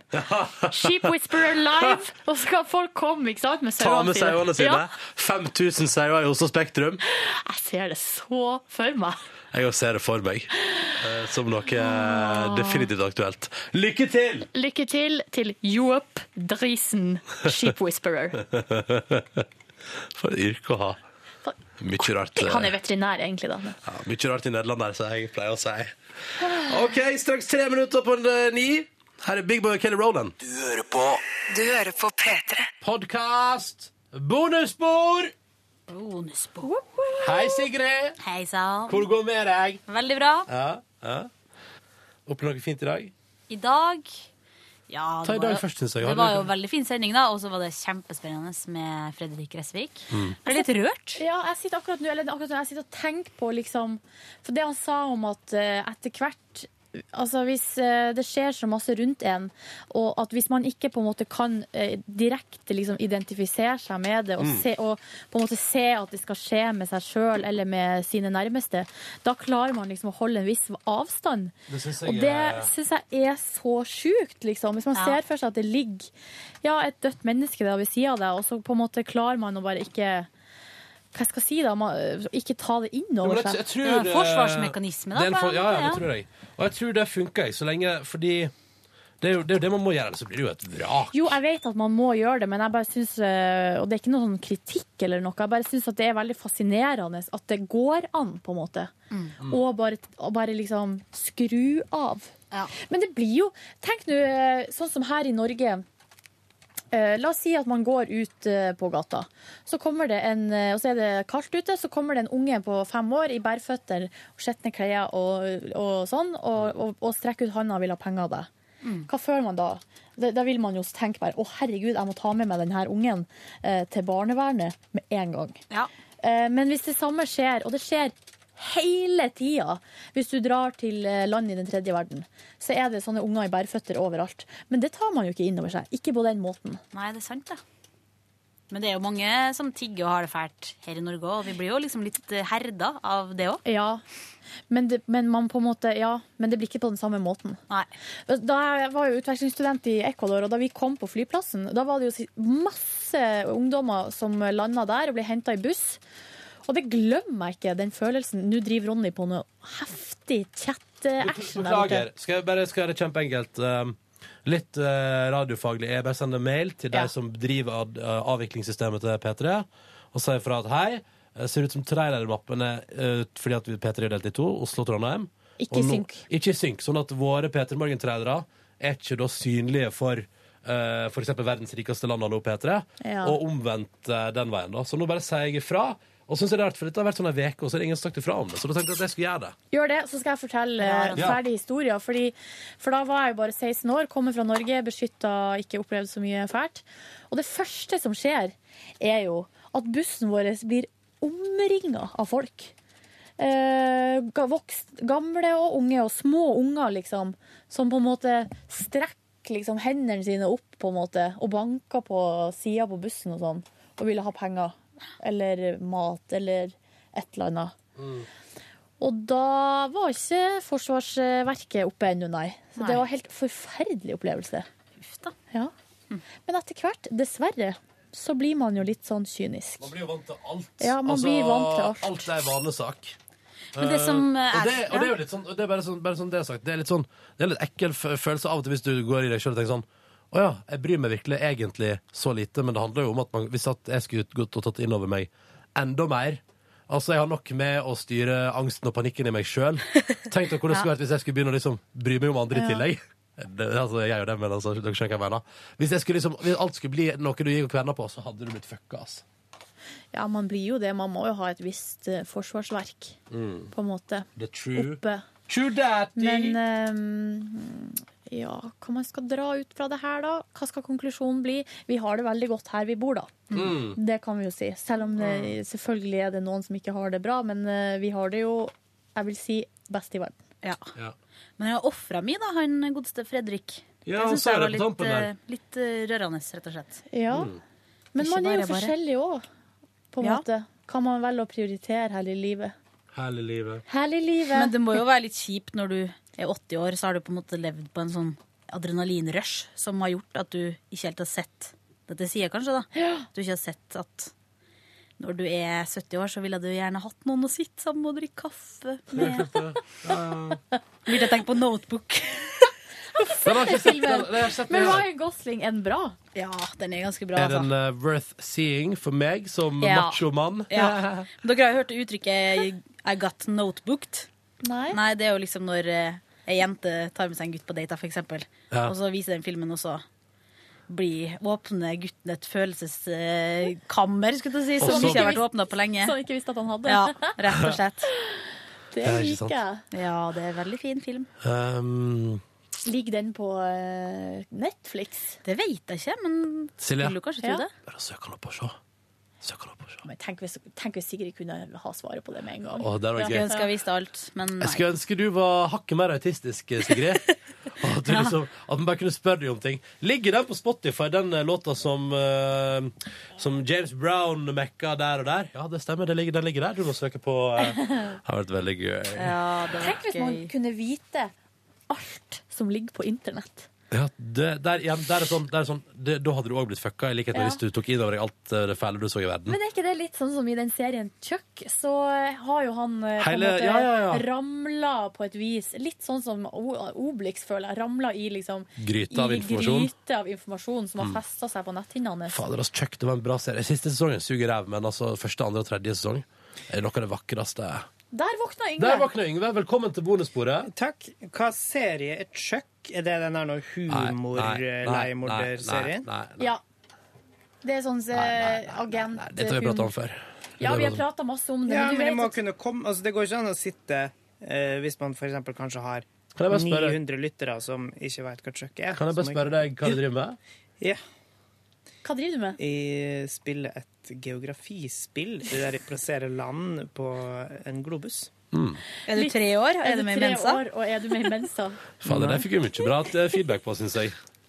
Faen, det var så flaut, Det det. der er sånn, der er sånn der angrer jeg på at jeg ikke fikk tak, ta, ta tak i et par av de tekstmeldingene som kom inn. Ja, men det, altså, det kom to tekstmeldinger. Den ene hadde helt åpenbart misforstått hele poenget. Mm. Mens han andre eh, poengterte jo noe som var veldig artig og litt flaut for min del, var at når jeg skulle prøve å være smart eller- Smartere enn en treåring. Jeg- Det var jo ikke det som var poenget, egentlig, at jeg skulle være smartere enn treåringen. Jeg vet ikke helt eh, hva Du som skulle var vise at du var like smart. Du utøvde humor, Silje. Det er Ja. bare å innrømme det. Men i Og- den prosessen så klarte jeg å si at gallestein er et organ Ja. i kroppen, og at Pluto men, Er en men- og er en planet. Men jeg gikk tilbake på begge tingene. Ja, ja, ja, Ja. du tok i det. Tok meg i det. Men Det er den sånn, lille tror- treåringen ville aldri, Aldri aldri sagt begynt der. at Pluto var en planet. Hva gjorde du på i går da, Silje? Hun ville begynt med den åpenbare treåringen. Jeg gikk jo rett fra jobb og møtte ei venninne og tok en kaffe. Ah, og det var koselig. utrolig koselig. Det, vi snakka barndomsvenninne her. Så da Å, fra eh, Hamarøya. Ja, man Hvor kom, mye forsinka var det? For du var jo litt seint ute i utgangspunktet og måtte vente litt på Ronny òg, i tillegg. Måtte vente litt på meg. Nei, men det gikk greit, Måtte fordi at eh, avtalen var at eh, jeg skulle eh, sende en SMS når jeg var på vei. Ikke sant? Ja. For at jeg kjenner meg sjøl såpass godt at når jeg skal lage avtaler, så bruker jeg som oftest å være eh, lur og si vi møtes i to-tida. Ja. Ja. Og da vet alle som kjenner meg, at da blir den halv tre. Ja. Ja. Men du, hvem eh, kan jeg spørre, hvem var dine venninner fra barndommen? Uh, hun heter Synnøve. Synnøve fra Hamarøy? Ja. Ja, ja, ja. Uh, og Hva har vi- dere vært best friends hele livet? Ja, det som er, er jo at hun er egentlig lillesøstera til ei venninne av meg. Eller sånn. Oi. Så hun er tre år yngre. Er ikke det rart når man blir såpass gammel at det der er helt greit? Jo, men det som er veldig rart, er jo fordi at det er jo jeg og søstera hennes som har på en måte vokst opp sånn sett i lag. Hun Det vært venninne eh, når vi var små. Nei, hun var ikke der. Nei. Eh, og da eh, Men så skjedde det på et, Jeg er venninne med hun, søstera hennes òg, altså. Ja. Eh, men på et eller annet tidspunkt så eh, Jeg tror vi jobba sammen, og så var det en sommer der vi var begge hjemme på Hamarøy, der, det på en måte, der vi ble venninner. Mm. Jeg har liksom gått fra å være eh, For jeg visste jo veldig godt hvem hun er, Ja. og vi har vært masse i lag og Og sånn. så plutselig var det felles interesser, og Ja. kunne sitte på Hamarøy-puben sammen, og Altså Plutselig så slutta hun jo å være lillesøstera. ja. på en måte, og bli ei Rare venninne. greier. Det er Rare veldig, greier. ra- Men det er jo sånn eh, Hvordan er det der? Egentlig så er jo eh, Tone Damli er jo egentlig venninne med søstera til Eva Weel Skram. Ja. Eller er det motsatt? Nei, Eva er egentlig Eva Weel Skram er egentlig venninne med søstera til Tone. Nei, det tror jeg eh, Nei, det hørtes litt rart Pass. ut. Pass. Pass, ja. Jo, Der men der er, det der er det en sånn situasjon. I, det, i venninneforholdet til dem to så er den ene egentlig lillesøstera. Ja. Og på et eller annet tidspunkt så har de på en måte Møttes der. Ja, for man, man vokser jo opp sammen og kjenner hverandre, godt, men, men eh, forholdet endrer seg idet man slutter å være lillesøstera til noen. Mm. Og få sin egen identitet. Men så du var på kaffeslabberas, Riri? Eh, ja, det var veldig koselig. Og når man kjenner noen så godt, sånn, så hopper man jo over alle sånne her formaliteter. Sånne her, ja, hva er du? Altså sånn. Rett på the hardcore. Rett på Ja. eh, hardcore. Så det var veldig koselig. Hun er jo eh, økonom, eller er jo- har gått på NHH. eh, så siviløkonom er det det heter. Ja, du kan vel bli det. Så der er det jo så eh, press liksom, for å få sånne gode jobber og sånn. Mm. Men er det press til hvordan man skal kle seg? For det lurer jeg på. Det er det òg hvis du får jobb, ja. Okay, Eh, men I ikke- sånne konsulent eh, ser jeg for meg at du må Jeg tror det varierer litt hvor du jobber. Men hvordan klesstil har hun her? da? Er det stresskoffert og Nei, Er det skjønner, nei. McBeal-dressaktig men det, greier? det er NHH-stilen. Ja. Det er en egen stil. Hvordan er den? Nei, de, de, er, jen- Tørkle i halsen? nei, de jentene er litt preppy. Ja. Ja, Ja. det kan jeg se for meg. I Bergen, på NHH der, Ja, der det er der jeg i hvert fall Det er Hva er det, ja? For det er det de veldig I hvert fall en del Ja, det er mye sånn også, som- dyre materialer, Ja. hvis du skjønner. Ja. Eh, og så er det mye sånn klær som ser vanlige ut, men som er dyr. ja, litt sånn ensfarga, Ja, kanskje men så er det dyre ting. Og så eh, Det var en gang her hun hadde fått seg jakke i bursdagsgave som var eh, veldig eh, eksklusive greier. Jeg visste ikke hva det var for en gang. Beige greier. Jeg måtte google det. Ja. Jeg så ut som sånn her, noe britisk sånn type stil. British style. Nå snakker vi om klær, da. Ja, jeg skjønte det. Ja, ja. Uansett, hun skal flytte til Milano, så da måtte vi jo Å, Det var mye å prate om. Hvordan blir det? Gruer du deg? Hva drikker Ronny nå? Drikker du brus, Ronny? Du? Hva er det vi skal følge med i den brusen? Det var fin lyd, det. Da. Hør veldig lite. Ja. Hør nesten Beklager, jeg Men trekker det eh, tilbake. for dem som ikke hørte det, så drikker Ronny brus til Mm. forandring. Ja, deilig godt. godt. Ja. Ja, ja, så dro jeg hjem og la meg på sofaen og sov litt, og våkna opp til at middagen var ferdig. Og hva var det til middag? Det var wok eh, med svinekjøtt Wow! og eh, masse er grønnsaker og sånn. Veldig godt, altså. Mm. Og, og så la jeg meg ned og sov litt mer Nei, Silje, da. etterpå. Ja. Eh, og, Og din, så eh, din burettslagsleder tenkte sånn Fuck, hun er godt selskap i dag. Hadde du fortjent det? Ja, det syns jeg. Så eh, eh, sto jeg opp og gikk på yoga. Oi, shit. Det var Nei, en det altså. høy dørstokkmil der. Ja. Altså, det var vanskelig å komme seg opp av sofaen, men jeg klarte å tvinge meg til å gjøre det. Hva var det som var det avgjørende for å motivere deg til å gjøre det? For at jeg har så vondt i ryggen igjen. Eh, og jeg vet med meg sjøl at det er hjelp å dra på yoga. Ja. Mm. Så da jeg måtte liksom være skikkelig streng med meg sjøl og si sånn Det hjelper i hvert fall ikke å ligge her og dra seg. Nei. Men Silje, Ja, hvor langt er det til der nå yogasenteret, sånn at du liksom veit hvor lang den dørstokkmila òg er? For det er jo en barriere, det å måtte reise langt. Ja, jeg må jo gå ut, da, og, og så må jeg gå til bussholdeplassen. Tar ca. fem minutter, og så tar det et kvarter med bussen. Ja. Det er ikke så langt. Men det er et stykke. Stykke. Sagene, eller er det Senteret ligger på i brytninga mellom Sagen og Torshov, for Ja, de som bryr seg om det. For de som bryr seg om det. Ja. De bryr meg. Så, for jeg bodde jo på Sagene før, ja, sant? så det er mitt gamle senter. Og så har jeg ikke bytta, selv om jeg har flytta. Og eh, det var en veldig god time. Jeg er jo så glad i den instruktøren. Hun har farga håret sitt. Ja. Har du litt crush på henne? Nei, jeg føler ikke det helt. Men sånne yogadamer er jo Fordi- ofte veldig fine, da. Ja, men det- hun er er fordi- veldig fin, men, Men, hun er ikke altså- min type. For Nei. at hun er veldig eh, Bråkete. Nei, motsatt. Hun er veldig sart. Det er der vi er inne på det at Eh. yogafolk er som regel ikke ens type. Hvis man, fordi jeg tror det er litt- kommer med litt sånn livsstil òg. Ja. Men hun har et sånn utrolig behagelig vesen.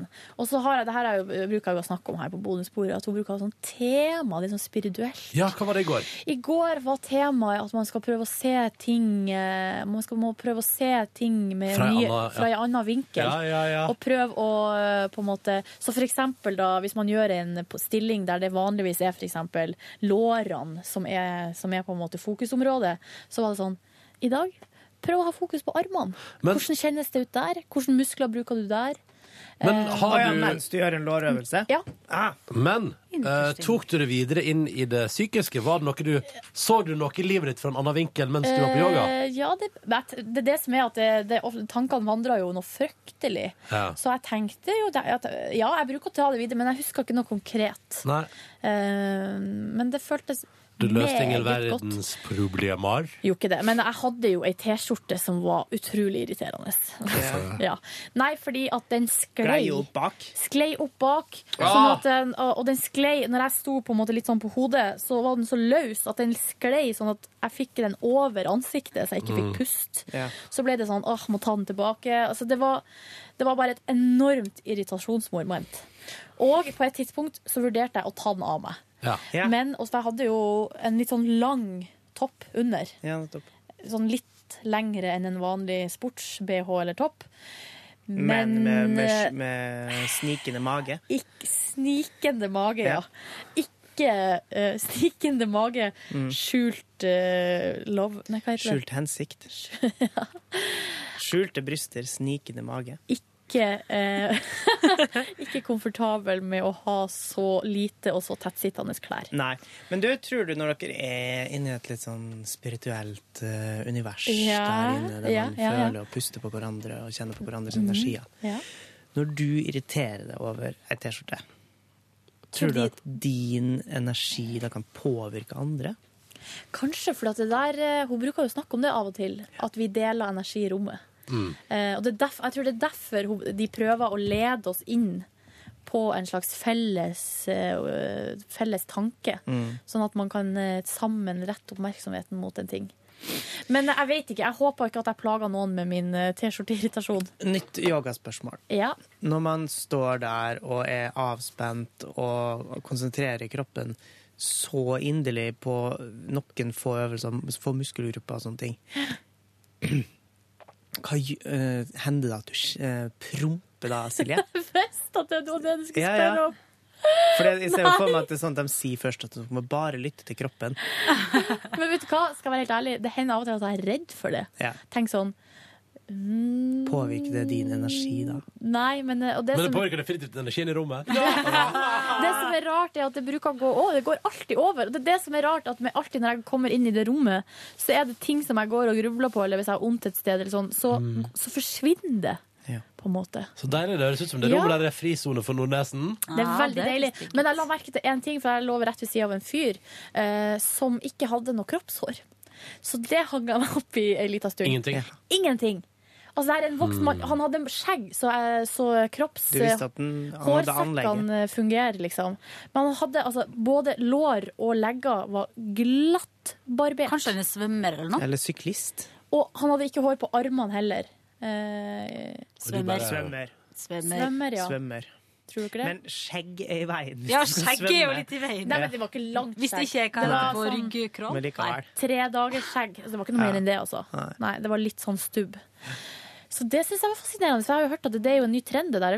Det sto jo i VG eller Dagbladet eller hva det var, at uh, nå skal mennene være hårløse. Ja. Hvem er det er får det mye som får Det er ikke meg, for å si melding? det sånn. Ikke meg heller. Det er Ronny B.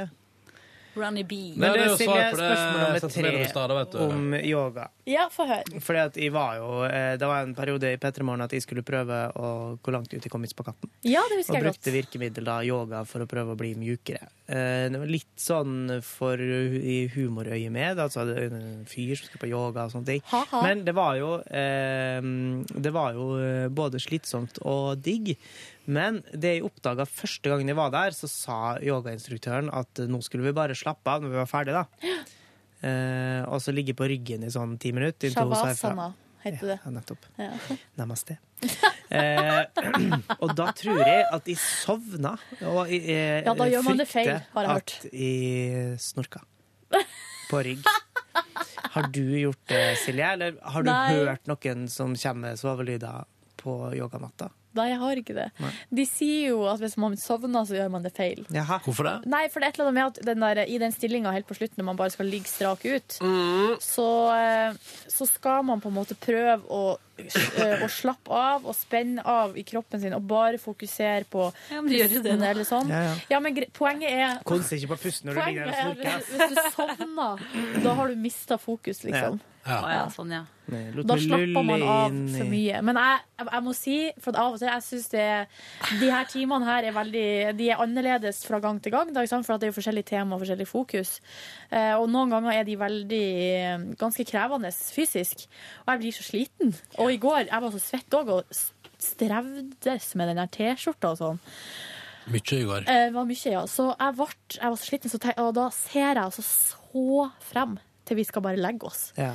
Å, så deilig det Ja. er. det det beste jeg vet. Uh, selv om du har T-skjortetrøbbel og svetting og sånn, Ja. det, gikk du ut derfra med en positiv følelse i kroppen? God energi? Det, ja, det var jo ikke sånn at det var så strevsomt at det var helt jævlig, liksom. Men det hva var fantastisk. kunne dagen bli bedre? Nei da. Dro hjem, dusja og la meg. Fapp, fapp, fapp. Nei Nei.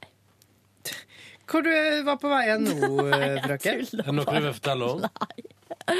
Men jeg dro hjem og la meg ganske tidlig, og så leste jeg jo Jeg begynte å Ja, eh, nå leser jeg jo i Great Gatsby-boka mi. Fordi, og det glemte jeg å si, Uh, før eh, den kinoen jeg var på på må- tirsdag, så var det en ny tra trailer for den filmen, The Great Gatsby. Ja. eh, med Leonardo DiCaprio.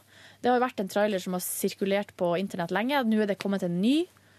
Å, fy faen! Det ser så bra ut. Oi. Toby Maguire og Leonardo DiCaprio i hovedrollen. Men eh, Så hvor langt har du kommet i boka, da? Den er ganske tynn og lite, den boka. Den er ganske tynn. Jeg kom kanskje halvveis. Ja, tungt. Tung materie. Nei, det er ikke så tungt, men det er Kan oppfattes som kjedelig eller litt uforståelig. eh, Ja, for det er litt Det kunne jeg for meg. kronglete språk. Ja, ja.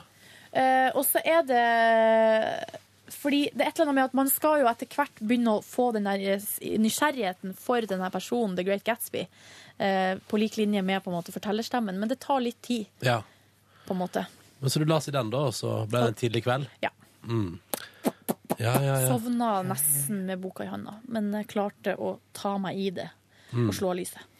Det syns jeg er imponerende. Jeg kan godt uh, gå kjapt gjennom min kveld i går, for det var uh, Epic. Epic. Var det epic? Det var Nei. Eh, det var tacorester. Eh, Det er jo godt, da, Ja, Ronny. det var latterlig godt. Tacorestene ble fortalt mens jeg så de to siste episodene av sesong to av Game of Thrones. Har vi noe å glede oss til, vi som følger det på NRK TV? Ja, det vil jeg da absolutt uh, si at dere har. Det var en eller annen idiot som sa til meg her uh, tidligere i veka at ah, bare gled deg til siste Altså, vet du, avslutninga på sesong to, den er helt eh, Det er det mest fantastiske. Hvem var det som sa det? Jeg lurer på, jeg husker ikke hvem det var, men vedkommende vil bare si du, din idiot, skrudde opp forventningene mine såpass at uh, der ble det litt antiklimaks for meg. Men hadde du aldri, s- men da, hvis vedkommende ikke hadde sagt det, så hadde jeg vært meget fornøyd. Men det er fordi jeg trodde at det skulle skje, altså, ikke for å spørre noen, jeg trodde det skulle skje noe litt som sånn, altså skjønner du, når noen sier sånn, avslutninga på sesong to, helt sjuk, så tenker du sånn, der skal det skje noe. Og, så, er twist, og så det eller? noen som sa sånn, den er så jævlig bra, du blir så jævlig fornøyd, og, sånt, og så er det sånn, ja, bra avslutning, men... Jeg blir aldri fornøyd av avslutninga. Skal jeg gi folk et generelt tips? For selv om Ronny er veldig glad i å snakke om TV-serier, så må man ikke finne på å gjøre det eh, med han. Nei, for Fordi blir man det skal så lite til for at man eh, snakker feil, eh, og da blir Ronny så fornærma at eh, ja, sånne ting kan komme da, eh, ut. Men hvem var det, Ronny? Nei, jeg husker ikke. Nei, nei, nei best, jeg bare sier at, at uh, Jeg bare sier at sesong to avslutta bra, men, eller at det er, liksom, det er en bra episode og sånn. Mm. Men at det er det sjukeste jeg har sett, det er det ikke. Å nei, sånn, ja. Ja, skjønner du hva jeg mener? Men Mm. så da, når man bygger opp forventningene til at nå skal jeg få se noe sjukt, sitter liksom og, og gleder meg. Å, for faen, det blir helt sjukt på siste episoden der. Så er det sånn, ja, bra, men ja, ja. Men eh, jeg tror kanskje at eh, Ronny, du må ta litt sånn lærdom av det. Fordi at du har jo sjøl Sjøl kan du av og til snakke om ting som eksempel Yngve, som har en helt annen måte å se ting på, ikke syns er så sjukt. Mm. Eller sånn, Du må alltid tenke når noen sier noe, at det her er den personens mening. Jeg må vente og gjøre opp min egen. Mm. Men det var jo så- det jeg gjorde med Game of Thrones for øvrig, fordi alle skrøt jo opp i skyene. Ja, ikke sant? Eh, Men likevel var det helt ekstremt rått. Ja. Og hadde jeg vel sagt sesong to holder et meget høyt eh, Jeg kan ikke se sesong to nå, for dere har bygd opp forventningene mine. Jeg må si at jeg, jeg syns det er dødsrått, men jeg skjønner ikke alt. Nei. Jeg må gå tilbake og se på nytt, fordi Det så jeg får ikke med meg ja. hvem folk er. I eh, den DVD-boksen som jeg har, da, som jeg selvfølgelig har lånt vekk til noen, det er egentlig dama mi sin, der legger ligger det ved et kart eh, med sånn slektstre. Det er det kartet jeg House trenger. of Lancaster og House of Frost Nei, hva heter han? Stark Eh, og Stark, Stark, ja. Mm. Eh, så det satt i og bladde i. Tangerian, er det de blonde der? Ja, det er blonde. Det er hun med Ja, jeg trenger et ja. sånt kart Mm. asaps. Men, for at det er eh, noen, Finn det på nettet, sikkert. Ja. Og det, det finner du på nettet. Og det som òg Jeg har ved ett tilfelle i denne sesongen her måttet uh, gå inn på Jeg har søkt uh, Jeg googla bare 'What happened in, at the end of. Game of Thrones season 2 episode na-na-na. Um, for å rett og slett bare Jeg måtte bare Hva var det egentlig som skjedde der? Og så Ja. leste jeg meg opp på det. Og så er det sånn, da vet jeg det. Flott, da går jeg videre. For jeg synes av og til sånn symbolbruk og sånne ting, og at man brukte å gjøre et eller annet, så kan man skjønne at det betyr noe annet. og sånne ting. Så er det sånn, Ofte der kan manusforfatterne bli litt for opphengt i sine egne Ja. ting. Eh, mens jeg som sitter og Ja, jeg følger med, jeg ser på. Uh, eh, får jo ikke alltid liksom med meg hva de mener med det og det. da. Så Men det skal- det skal et, sies. Et halvt eple. Men det skal sies at jeg er en sånn fyr som aldri får med meg ting. Men jeg er faktisk ganske oppe og går i Game of Thrones, altså. Men Ja, det, som det- er, du, det du har gjort, da, som vi ikke har gjort er, For du har jo sett nå sesong én, og så går du rett på sesong to. Mm. Jeg så jo sesong én for ett år siden. Ja. Og det er det som er problemet. Mm. At det er ting som eh, har eh, forsvunnet i løpet av det året. Har. NRK med en sånn 'Previously in Game of Thrones' Ja, i det på begynnelsen har av vel det. episoden? Fordi det hjelper jo også Det er jo viktig veldig på. Det må man jo ha. Det man òg kan gjøre, er bare å se videre, for at som regel så forklarer de ganske greit. Mm, det jeg opplevde i de få tilfellene der jeg har vært litt vekke, Ja. så kommer alltid. Men det som også er med den, det, er, det som jeg liker med sånn previously, er at du ser så tydelig hva denne episoden her skal handle om. Ja. For eksempel når det kommer en sånn previously der de der kidsa oppe i nord der ikke er med i det hele tatt, så skjønner du at de er ikke med i den episoden. der. Det var de ikke. Mm. Og det skal handle mye om Står det hun kvinna. Da. Eh, Olli og Lars. Doritos. Ja. Hva er dere ved? Hva er dere skal ha studio sikkert straks. Og jeg skal ha en gitar. Skal ha en gitar, ja. Det kan du få. Si det. Kan du si hei til lytterne på podkasten Ja, vår? si hei, da. Ja. Alt bra? ja. Ja. Du spør deg, ja. ja. Ja. Ha det. Ha det. Ja, ja, vi kan vel gå Men da videre, så du ferdig i går, da, Ronny? Så ferdig i går. eh, spiste tacorester, vaska to maskiner med klær. Flink. eh, og la meg Her brukte du klær til å vaske to maskiner. mm, Sto der og skrubba maskinene. Ja, ja, ja. Eh, Morsomt bilde. så det var gårsdagen min, da. Ikke så spektakulær, men altså, jeg koser meg. Jeg malte ferdig et skap i går. Så flink. Du har jo ennå Også- maling på armen. Ja, jeg har det. Jeg orka ikke å skrubbe. Og så eh, Det bare går vekk av seg sjøl, fant jeg ut etter hvert. Og så drog jeg på en nydelig nattlig eller kveldsskitur sammen med to gode venner. Eh, der vi rusla, rusla innover den der reven sang og- og, og brølte. Det var en sånn rølpetur litt. Avslutta med eh, en meget fornuftig afterski som eh, inneholdt både øl og vin. Oi, hvor Mm. er dere afterski hen, da? Hjemme hos en god venn. Dusja dere alle sammen der, da, eller? Å nei, der satt vi bare med ullundertøy og skravla. Og så kom typen til å ene bort, bortom, for vi er jo et lite nabolag. Eh, han var litt sjuk, da, litt pjusk, så han eh, Han kom kun på afterskien, han da. Ja. Og så eh, gikk jeg hjem og la meg etter det, da. Jævlig trivelig. Hørte dere på DJ Broiler? Nei, vi hørte på faktisk et spansk eh, poprock-band som heter Jarabe de Palo. Mens vi mimra litt tilbake til tiden på videregående. For da hadde han, han, han var hos, De hadde et humororkester eh, der de hadde øvd inn eh, diverse spansktalende Santana og Harabo de Palo-låter. Ja. Så de spilte. Det var jævlig bra. Så, Det var- ble det? Mm, det var hjemme litt over elleve, vel. Det hørtes litt ut som en scene i en film. Det der. Ja, det kanskje det var en slags film. Ja. Jeg burde filma det. Ja, du burde filma det. Burde filme det. Sigrid, da? Ja, ingen scener som kunne vært med i film fra i går. Veldig lite som skjedde. Sov du, da? Du har jo sagt at du skulle slutte med Ja, jeg sov jo Ah, selvfølgelig. er Jeg sov, jeg sov faktisk fra fire til åtte. Kjenner meg igjen! Det er ikke bra. Hva gjør du da når du står opp? Du orker jo ingenting. Nei. Men da hang jeg med hun som jeg bor med, som har vært på Zanzibar lenge. Oh, hun er med sjøl. Sammen med kavaleren. Nei, sammen med ei, ei anna dame. Og så spiste vi Smarties. Jaså? Yep. Ja, det må jeg bare si. Jeg bare si. Hadde voldsomme cravings på godteri. Jeg hadde så lyst på godteri. Jeg vurderte på et tidspunkt eh, Spesielt da eh, dama til Silje la et bilde Nei, Silje la et bilde av Nei, det var hun som det var gjorde det. dama bilde til Silje la et bilde av, på Instagram Av av, brødene eh, sine. av sine. Eller bollene, da. Nei, men for det glemte jeg å si, for da jeg kom hjem fra yogaen, så var det nybaka skoleboller på gang. Herregud. Og da jeg så det bildet, så var, jeg hadde jeg faktisk reist meg opp fra stolen eh, og var på vei til å ta på sko og gå på butikken. Ja. Eh, Men jeg stoppa meg sjøl. Tok meg i det. Spiste knekkebrød i stedet for. Jævla bra. Men så støvsuga jeg litt, og så så jeg Jeg, har, jeg bor i ei blokk der jeg kan se rett over på andre sida av gata. Oi. Og der er det en mann som bruker å stå i vinduet og se over på meg, da, føler jeg. Så da sto vi som det. Jeg har tatt bilde av det og alt mulig rart. Eh, ja. Der står han igjen, liksom. Og det gjorde han i dag òg. Så sto han da, jeg. Og så sto han der og så på meg, og så sto jeg og så på han. Og så vurderte jeg å ta et nytt bilde av det, men så tenkte jeg nei. Og så gikk han av meg. Runka han, eller hva gjør han? Jeg vet ikke. Jeg Silje? føler litt som at Ja, men det bare er det alle lurer på. Hva gjør han? men Ja, i altså, starten- Hva gjør han med si seg fepp, selv? fepp, I fepp, starten så la eller- jeg liksom godvilje til stålen liksom der og drikke kaffe, eller en utafor og røyke. Nei, da han Tar er han inn. på Nei. seg sjøl og Ja. ser på deg. Ja. Men det gjorde han altså ikke. Nei, han står nå bare, bare og kikker, da. Er han Skuffa? gammel? Han ser litt gammel ut. Altså sånn type 50-60. Kanskje han bare er ensom. Ja. Jeg har bare lyst på at kanskje han føler at dere er et slags selskap for han, ja. eh, på en måte. Men det hadde vært artig hvis vi hadde sånn tråd over på andre sida, og så kunne vi sendt lapper eller noe. ja, det hadde jo vært veldig artig. Eller bilder. Nei. Kanskje du skal høre om han er på Snapchat. Du, Kan ikke dere begynne å vise plakater til hverandre? Ja, du, det Ja. han. Du, det er Skriv han en plakat, da. fyren i uh... Han nakne i Friends. Ja. Nei, i uh, eh, American Beauty. Så det han vil, er at du bare skal stå der og så plutselig bare kle av deg ett og ett plagg. Ja, Det er Kevin det? Spacey. Nei, nei, det, det, det unge, elskende paret. De som skal rømme. Jeg har sett den altså, han har ikke sett den filmen. Den burde du se. Ok, men da, skal jeg det. se. Vi må gi oss der, vi, fordi eh, vi skal på møte om tre minutter. Takk for at du hørte på Peter Morgens podkast. Vi snakkes i morgen til ny podkast. Da er det faen meg fredag. Iallfall hos oss.